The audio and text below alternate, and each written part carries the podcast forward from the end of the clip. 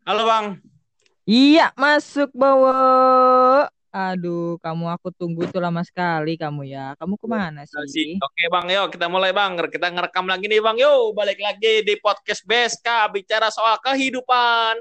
Dan podcast teman ngobrol. Kali ini kita collab ya, wo ya. Padahal kita ya, kita ya collab, gitu, aja. Karena karena dua uh, dua dua nama yang dipertaruhkan ini. Gua yang oh, dua nama. Iya dong, lu kan menjudulkan diri lu sebagai teman ngobrol. Kalau gue kan tentang BSK, bicara soal kehidupan, bicara tentang lo, tentang gue, tentang teman-teman teman lo, teman-teman gue, orang-orang yang lainnya, netizen-netizen gitu kan. Ya padahal mah semuanya sama aja, Wo. Oh, sama ya. Kita-kita juga. Oh iya ya. iya. Ya. Lu ngupload gua ngupload kalau suaranya sama ya sama. Iya sih, uh, uh, bener bang makanya. Jadi kayaknya bakal kita bikin gini deh, episode 1 di lu, episode 2 di gua gitu. Jadi uh, apa ya? Kenyang. Jadi uh, mm, mm, mm, Jadi enak gitu. Ada berkelanjutan. Ya udah nggak apa-apa, serah iya. Setidaknya kita kan udah punya solusi kan, Bang. Betul. Sebelumnya kita nggak punya solusi ya, bukan nggak punya sih, ada tapi belum kepikiran aja gitu. Bener gak sih, Bo? Iya benar, karena kan kemarin-kemarin kita bingung gitu kan, kita mau upload podcast podcast nih, tapi gimana caranya uh, kita bisa bisa tetap bikin konten lewat di rumah aja gitu kan, Bang? Sesuai dengan anjuran, anjuran, anjuran pemerintah gitu. Jadi akhirnya kita ketemu solusi gimana, Wak, untuk permasalahan kita yang semenjelimet ini? Wow, bener-bener solusi yang terbaik sih menurut gua gitu kan, Bang. Uh, kita mau bikin podcast tapi bingung nih uh, bikinnya di mana? Ya. Terus uh, uploadnya di mana? Ya. Terus kan karena karena gua juga sering banget dengar podcast di Spotify, gue dapat ini nih rekomendasi dari dari orang-orang di podcast podcast di Spotify bilang kalian pakai aplikasi Anchor aja, tinggal download di aplikasi Play Store sama App Store ada di sana. Kalian bisa bikin podcast di sana, bisa upload podcast di sana, dan nanti uh, aplikasi ini bisa terhubung ke Spotify. Jadi nanti podcast kalian bisa masuk di aplikasi Spotify. Nah, iya. aplikasinya ini namanya Anchor, Bang. Oh, Anchor. Kayaknya udah baru-baru ini gue denger deh, Wo. Iya, baru-baru. kayaknya bagus juga deh Anchor ya, itu. Karena, karena aplikasi Anchor ini kan uh, tumbuh dan kembang kan karena beberapa orang udah mulai bikin podcast kan bang, bikin podcast di mana-mana, kita ngobrol-ngobrol-ngobrol, ngobrol. Betul, betul, betul. Nah itu sekarang banyak tuh rame tuh yang bikin jadinya karena didukung ramainya peminat untuk orang bikin podcast nah Anchor pun hadir untuk mendukung kita yang mau bikin podcast gitu loh bang jadinya Anchor hadir dan Anchor bikin solusi uh, gimana caranya kalian bikin podcast gak usah ribet gak usah harus nyewa studio yang gede harus nyiapin mixer ataupun harus menyiapkan ruang uh, khusus ya rekaman. ruang khusus ya. rekaman ya khusus rekaman terus juga alat-alat rekaman yang mahal. Nggak usah kalian tinggal modalin dengan HP aja dengan kuota internet untuk upload. Nah itu bisa bang. Nah berhubung sekarang kita lagi social distancing social distancing uh, sekarang udah berubah wo namanya physical distancing. Kalau social nah. distancing itu kadang orang suka menyelartikan. Jadi social distancing itu kayak kita mengucilkan orangnya gitu. Ya. Padahal kita hanya jaga jarak. Ah, gitu. berarti gitu kan. Maksudnya kan nah pemerintah e, merubah namanya bukan bukan lagi social distancing tapi physical distancing ya kan.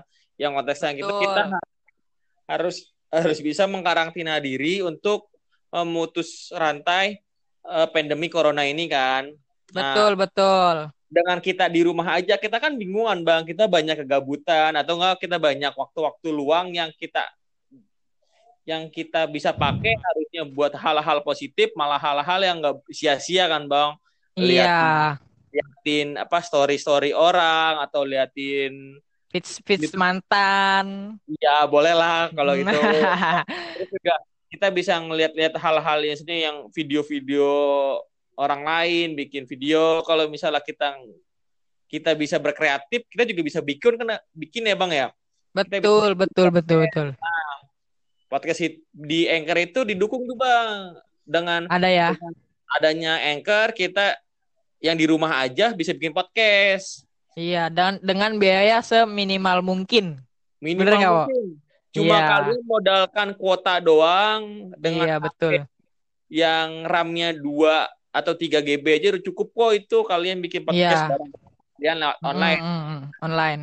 Uh, mudah juga caranya pas tinggal login aplikasinya terus ikutin aturan uh, isi data-data dalam aplikasinya yeah. langsung tinggal bikin ini aja rekam rekam podcastnya atau rekam suara kalian terus bisa undang teman nah hmm, betul betul gampang bisa lewat WhatsApp bisa lewat Instagram bisa lewat uh, berbagi link bisa link-link webnya bisa di, tinggal dikirim aja ke teman kalian yang mau diajakin join untuk bikin podcast, nanti kalian langsung bisa kok. Udah, gampang kan bang? Iya betul, betul, betul, betul. Anchor solusinya betul. yang terbaik buat bikin podcast di pandemi corona. Woohoo! Ya, itu dong. Uh, langsung aja nih bang, kita kita kita ngebahas bahas topik nih bang yang yang menurut gua ini sekarang lagi resah nih bang. Apa tuh? Kita mau bahas apa nih? Iya, uh, karantina wilayah dan physical distancing, Bang. Iya. Kalau menurut, menurut apaan? Iya, ya, gitu gue gue mau gue ada keresahan nih, Bang, masalah uh, karantina, karantina wilayah. wilayah. Sama sama ini physical distancing, Bang. Iya, gimana gimana gimana? Nih, Bang, dampaknya yang yang kerasa akibat ada dua uh, berita-berita mengenai ini apa bang ya?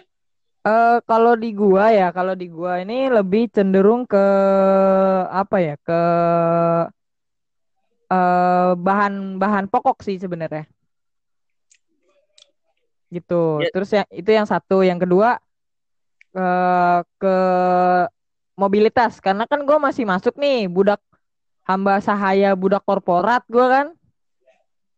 Ya benar kalau misalnya uh, kan masih masih ada beberapa perusahaan yang mempekerjakan karyawannya di pandemi ini kan Betul. masih ada yang, ada yang juga yang uh, eh, WFH work from home. Iya betul. Jadi jadi kayaknya sekarang tuh kalau kita lihat ya bang ya kalau misalnya hmm. Pandemi corona ini kayaknya sekarang kita benar-benar kerasa ya bang. Kalau misalnya apa apa tuh susah. Iya. Terus kayak uh, yang nyari kerja tuh kebingungan karena malah makin susah kalau kata gua wo. Kan bang ya? Uh -uh, karena karena kenapa? Bukannya gua apa ya gua juga gua juga baru-barunya ini jadi hamba sahaya kan hamba saya budak korp apa kan perusahaan swasta kan.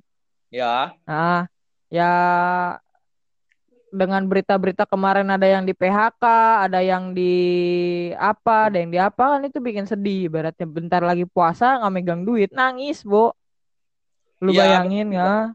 Bener sih Bang kalau misalnya sekarang akibat pandemi corona ini benar-benar uh, bikin dampak ekonominya terpuruk banget ya kan karena ya. kita lihat teman-teman di sini yang dengar podcast ini kan karena gue lihat di beberapa berita ada beberapa pabrik yang sudah um, memutus uh, kontrak kerjanya karyawannya tanpa tan sepihak lah hasilnya pemutus secara pemihak jadi kayak uh, tanpa ada uang pesangon ada bang ada juga yang dirumahkan.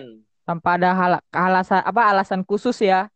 Ya tanpa ada alasan khusus. Mungkin kalau misalnya pemutusan secara sepihak sih jatuhnya sih emang uh, untuk mengurangi pengeluaran sih bang jatuhnya kalau yang dirumahkan sih ada beberapa perusahaan yang merumahkan karyawannya tapi dengan syarat bang kalau misalnya nanti setelah pandemi corona ini mereda dia boleh kerja lagi bang di perusahaan itu gitu. Ya itu itu bagus sih. Apalagi kemarin yang gue dengar juga omnibus law itu ternyata pada saat pandemi gini malah disahkan wo gitu. Malah makin menjadi-jadi gitu loh.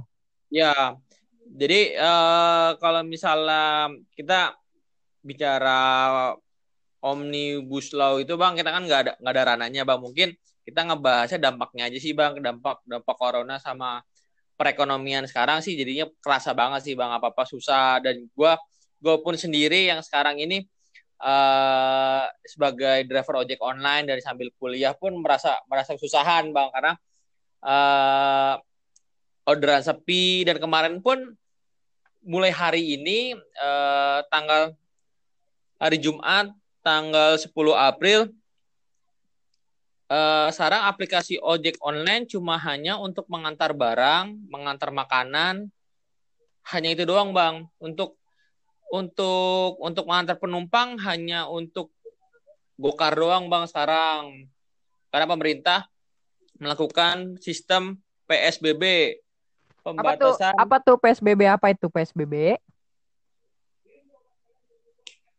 Pembatasan secara, secara berskala besar bang. Jadi kita kita uh, dibatasin bang kalau misalnya uh, dalam satu mobil penumpangnya hanya tiga orang dan kalau misalnya kendaraan bermotor hanya boleh ditunggangi oleh satu penumpang yaitu si supirnya aja. Jadinya nggak boleh boncengan. Tapi katanya Coba. kalau sat, masih satu keluarga boleh. Yang penting ya. dua-duanya ini pakai masker wo gitu loh. Ada, ada yang ada yang uh, ada berita katanya kalau misalnya yang masih masih yang berkendaraan bermotor boleh berboncengan kecuali uh, dia harus rumahnya bar, apa alamatnya dengan yang sama gitu bang. Hmm gitu ya. Jadi agak merepotkan juga sih apalagi dari sektor ekonomi ya. Jadi kayaknya ekonomi Indonesia tuh melemah gitu karena banyak yang dirumahkan. Eh jadinya apa ya kalau gue bilang tuh jadinya kayak uh, ini sih kayak kayak lu nggak nggak butuh uh, bukan nggak butuh sih tapi kayak apa ya kayak agak repot lah ke mana-mana harus pakai masker mau masuk ini cuci tangan. Emang udah disediain sih di beberapa tempat gitu. Cuman kan jadinya malah lebih ke rempong gitu. Kalau menurut gua menurut gua kalau menurut lu gimana? Ya sebenarnya sih gini sih Bang, masalah masalah setiap kita masuk Alfamart, Indomart atau bukan masuk-masuk tempat uh, kantor disediakan hand sanitizer atau enggak tempat cuci tangan sih sebenarnya itu bah sudah dari dulu bang untuk kita budaya hidup sehat gitu kan. Karena tapi kan karena sekarang pandemi corona ini hadir jadi jadi orang uh, jadi karena ketakutannya menyiapkan tempat-tempat cuci tangan, tempat-tempat hand sanitizer di setiap uh, tempat usahanya. Sebenarnya kalau pola hidup sehat sih balik lagi ke orangnya sih bang. Asalkan kita pun kuat sistem imunnya, virus pun nggak bakal masuk sih bang. Karena dokter kemarin juga bilang kalau misalnya kalian yang masih muda ataupun masih masih ngerasa sistem imunnya bagus tanpa ada riwayat penyakit, kalian hanya cukup isolasi kalau misalnya ngalamin gejala karena uh, yang rentan ini yang punya riwayat sakit lainnya gitu sih bang. Terus juga kalau misalnya pola hidup sehat sih baik lagi. Kita emang sih orang Indonesia tuh terlalu terlalu terlalu meremehkan pola hidup sehat gitu. Orang-orang betul betul betul masyarakat masih belum aware lah sama sama kesehatan pribadi gitu kan. Jadi sekarang pas ada pandemi ini jadinya pemerintah uh, pemerintah cuma minta tolong gitu kepada masyarakat gitu untuk peduli sama kesehatan karena uh, penyakit corona ini nggak pandang status nggak pandang bulu ya ha. pandang bulu nggak pandang status lu kaya. iya betul ha. Lu kaya lu miskin ya kena aja semua ya, gitu kan. nggak ah, betul betul. nggak pandang juga lo lagi sehat banget atau nggak lo lagi drop banget nggak ngaruh. ah, bisa juga betul. yang yang lagi sehat banget nih yang bisa di rumah badannya kekar gitu tetap juga bisa kena juga atlet pun juga kemarin ada yang berita ada yang kena juga bang kena covid bang makanya uh, kalian tuh harus aware gitu kan uh, harus tentang betul, sehat betul. harus mm -hmm. salahnya corona ini uh, virus wabah yang meredanya lama di yeah. di di Wuhan Cina aja itu dia hampir Mm-mm. dua bulan lebih ya kan bang. Baru sekarang Iya, ha.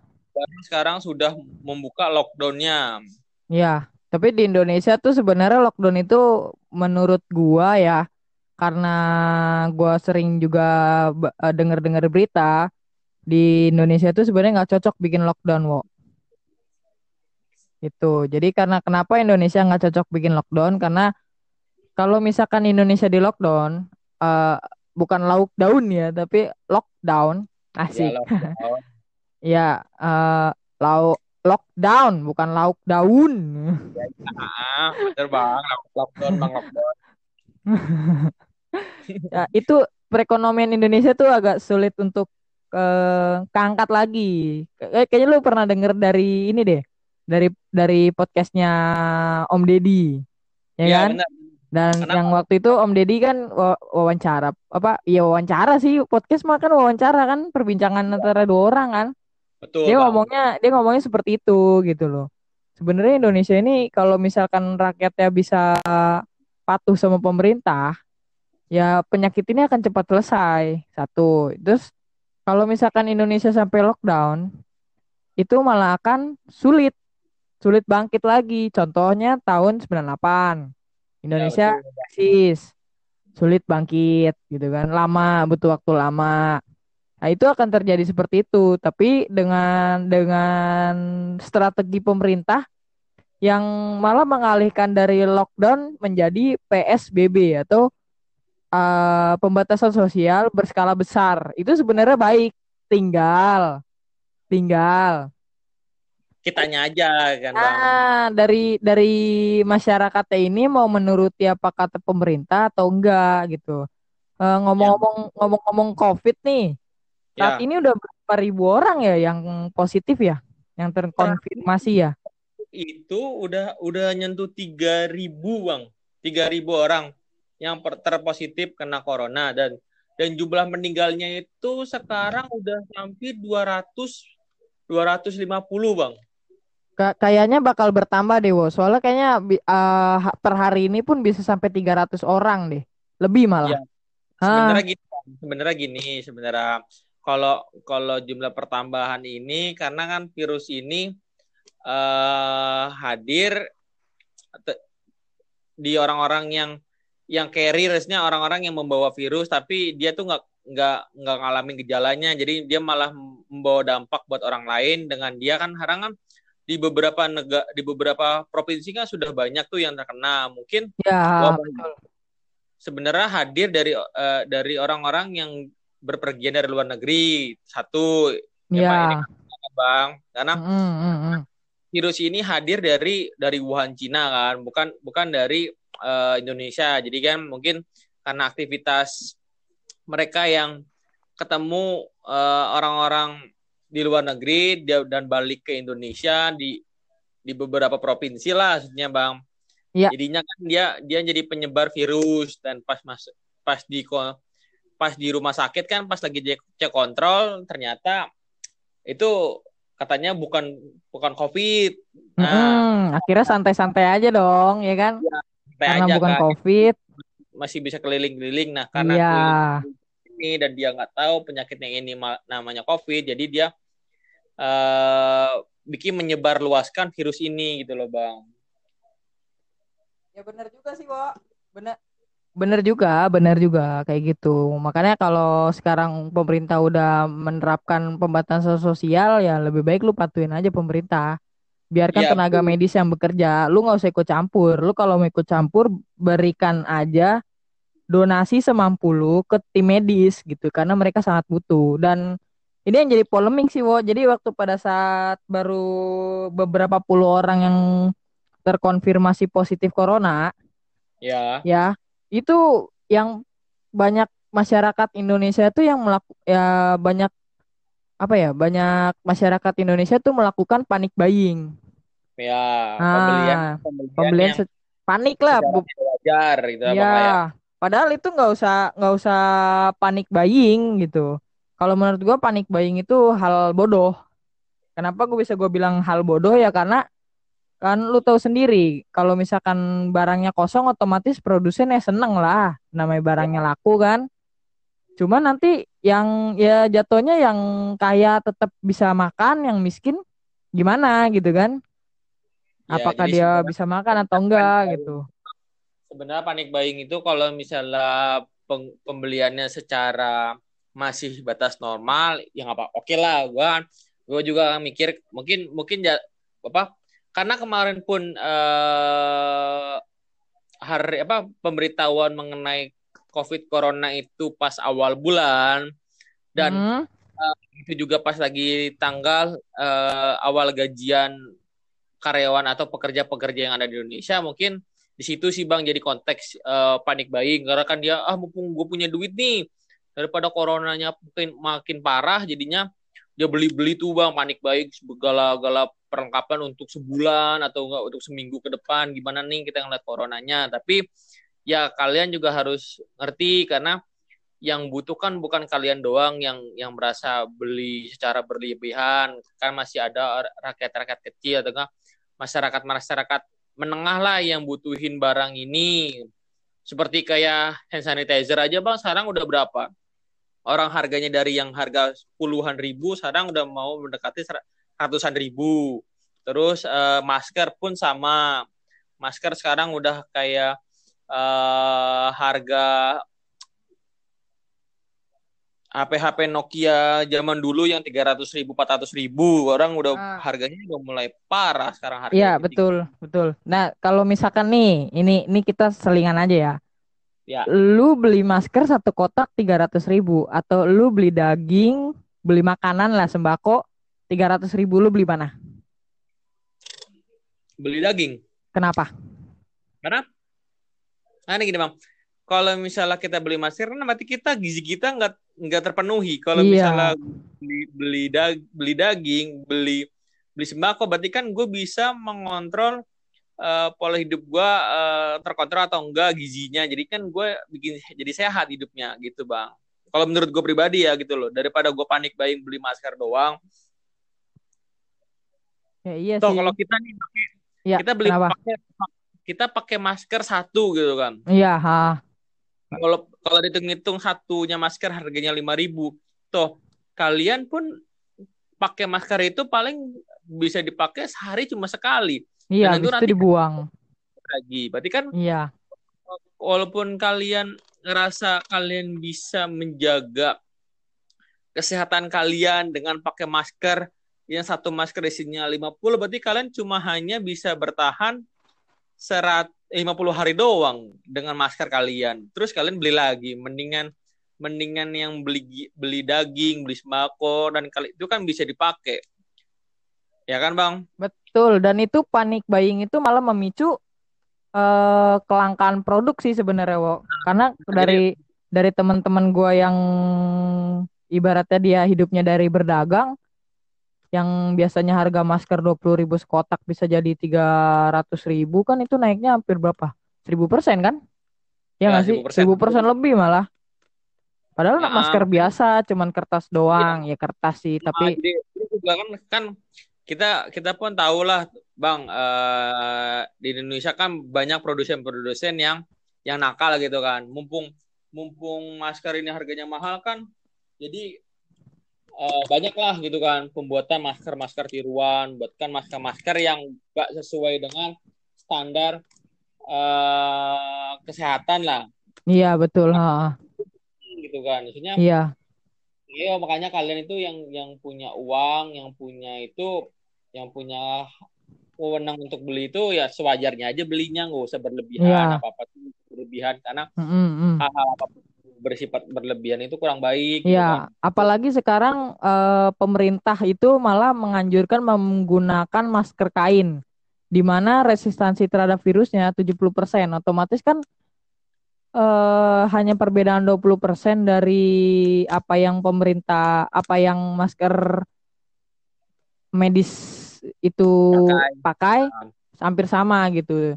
Dan dan sebenarnya terlepas dari masker, eh, pemerintah justru malah lebih menganjurkan untuk di rumah saja gitu.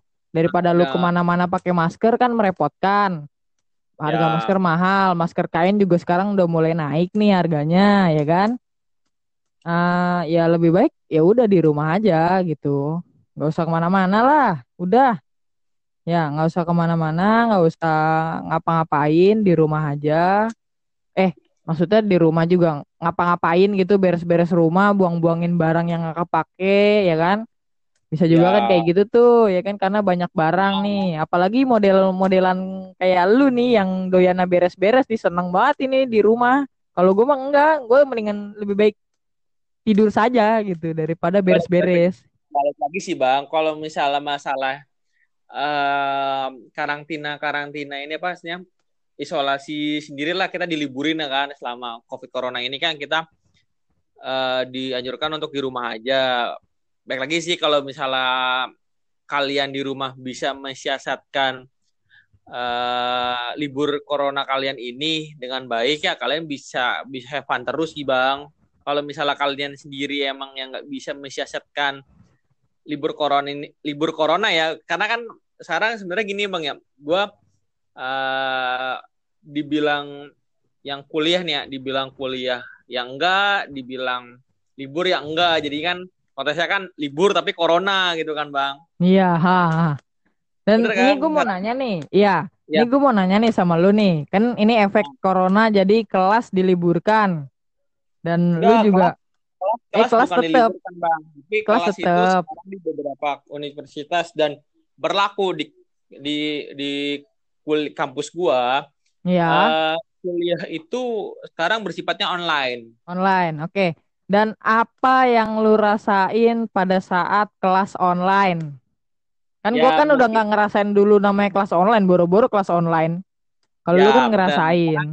Abang kan udah lulus duluan gitu kan. Sebenarnya Iya. sih yang yang gue rasain itu kalau misalnya dalam sistem pembelajaran sih sebenarnya sama aja dalam penyampaian informasi mengenai materi pembelajaran is uh, uh, konteksnya sih sama-sama aja ya informasinya sebenarnya udah dapet. Cuma mungkin kan gini konteks tatap muka itu kan lebih dibutuhkan lah kalau untuk mahasiswa-mahasiswa ini. Karena uh, kita kan bisa tahu nih informasi-informasi yang disampaikan dan diterangkan oleh dosen secara langsung gitu kan. Dan kita juga pun kita bisa berinteraksi kan kepada teman-teman di di kelas gitu kan. Nanya nih dapat informasi apa? Kalau misalnya sekarang kan cuma yang mau belajar aja atau enggak yang bisa dengar aja kan dapat informasi mengenai pendidikan kuliah atau pendidikan apa mengenai pendidikan gitu loh. Terus juga yang sekarang jadi borosnya ini bang. Apa tuh?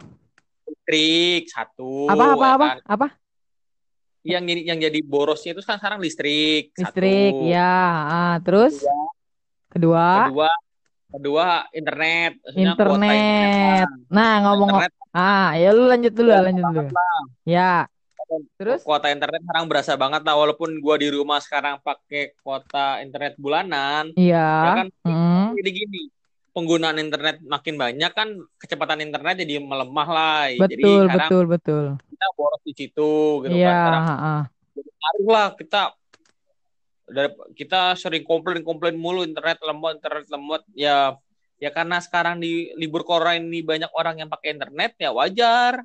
Jadi internetnya lemot karena pemakaiannya banyak kan bang. Jadi gitu jadi kayak borosnya di situ doang sih. Iya betul betul. Itu sih udah udah barang tentu lah. Dan kalau misalkan gini ya ngomong-ngomong gini sih bang. Apa lagi, Bang. apa lagi. apa? Ya. yang dirugikan pas sekarang eh, kuliah online itu gue nggak bisa bercanda bang sama teman-teman gue gitu kan ya bercanda online.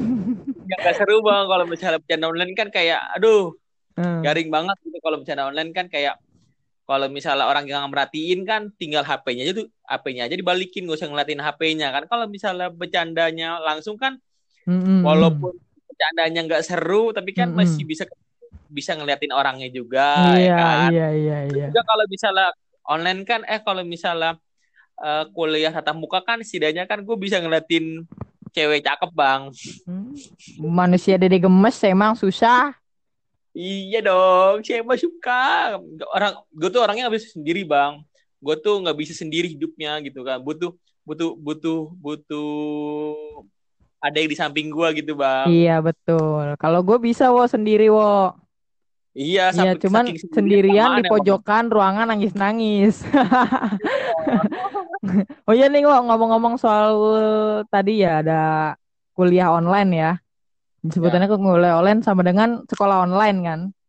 Belajar Ya. online. Ya. Kemarin gue Betul. nanya sama temen gua. Sama temen Ya. gue nih yang dia juga kuliah online juga ternyata kan.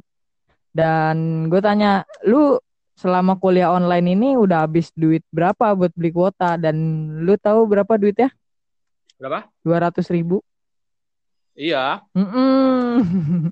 Lu gini sebenarnya. apa? Sebenarnya gini bang, boros boros kuota internet untuk kuliah online itu nggak seberapa. Iya.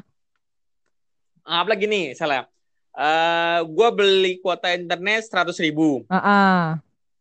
Dapat kuotanya itu 15 GB kan. Iya. Nah, buat selama sebulan itu gua kuliah online atau enggak sekolah online, paling habisnya cuma 5 giga, 5 Iya. gigabyte. Ah, ah, ah, Nah, ah. 10 giga- 10 gigabyte ini nih Bang yang jadi masalah. Untuk Ya karena kita nggak punya kesibukan lainnya, kita nggak bisa ketemu teman, jadi kita buka YouTube lah, mm, Buka. scroll Instagram. Instagram Sampai- lah, main Twitter lah, Iya. langsung nonton nonton nonton nonton nonton nonton drama Korea lah yang lagi Iya. hit banget itu kan, atau nggak nonton Netflix gitu loh. Iya. Jadinya habisnya kuotanya di situ bang, Iya. borosnya di situ. Akhirnya- jatuhnya. Akhirnya 100 ribu untuk tiga hari. Tuh, gitu Aduh. loh. Jadi- Jadinya juga jadi jadi sebenarnya masalah masalah boros atau tidaknya itu baik lagi ke orangnya. Iya betul. Bagaimana ini bis mau hemat atau mau boros? Iya, orang betul. itu mau mau mau lakuin kegiatannya di masa isolasi ini gimana caranya gitu Mas? Iya. Lu lu lu bisa beres-beres rumah atau enggak lu bisa cuci motor, cuci sepatu atau cuci cuci, cuci jaket lu kalau misalnya jaketnya yang banyak tumpuk segudang ya silakan aja lu, mumpung mumpung dapat libur gitu kan. Iya mumpung panasnya bagus juga. ditunda gitu kan. Ya. Dan juga ini Nah. loh ya. eh Ya kalau gue punya apa nih Bang? Dulu udah ngomong dah. Ya. gue punya fakta menarik. Ternyata kan tahun 2020 ini ujian nasional ditiadakan ya. Gue nggak mau gua nggak mau disingkat karena takutnya kalau misalkan gue singkat jadi UN, Anggun menolak dihilangkan UN. Jadi cuman N G G A N N G C Sasmi garing Waduh. garing garing garing aduh garing garing asli garing Aduh. Iya, kalau kalau kalau UN dihilangkan, kampus saya jadi merek ini penyedia air, PAM. Eh, pam Nih, gak ini yang beneran ya. Aduh, gue garing Ya, asli gue garing. Jadi eh, ujian nasional ditiadakan di ya ya, betul. untuk, untuk tahun ini, untuk tahun ini ya. Kebetulan ujian Ya, nasional betul. ditiadakan. Eh, jadi secara ujian nasional ini karena dia ditiadakan, jadi apa ya? eh, Orang-orang, eh sorry, adik-adik kita yang masih sekolah tidak akan Ya. bisa merasakan apa itu yang namanya coret-coret baju sekolah. Mungkin, mungkin mereka kan coret-coret baju sekolah itu menggunakan aplikasi seperti Pixar. Enggak, Bang, enggak, enggak. Enggak, sebenarnya sih sebenarnya gini, Bang. Kalau misalnya konteks untuk ujian nasional dihilangkan itu sebenarnya untuk eh, tahun depan di 2021 emang pem- Kemendikbud Iya. melalui Ah. Kementerian Pendidikan udah udah mengajukan Ah. untuk menghapus sistem eh, ujian nasional. Iya, Karena dirancangnya untuk tahun depan. Nah, iya, tapi berhubung ini di pandemi corona ini hadir, nah iya, kan ah, ujian nasional itu tidak begitu efektif. Mungkin iya, menurut gue ya, Snap, ah, ah. ujian nasional nggak efektif nih karena butuh butuh alokasi dana atau alokasi persiapan yang banyak betul. uangnya kan. Jadi, Ya, jadi udahlah memotong APBN negara itu makanya UN ditiadakan. Menurut gua pandangan gue pribadi itu gitu kan. Terus Iya, eh, untuk kol- eh, coret-coret coret-coret itu ada bang, ada beberapa siswa atau pelajar di daerah melaksanakan coret-coret. masa sih?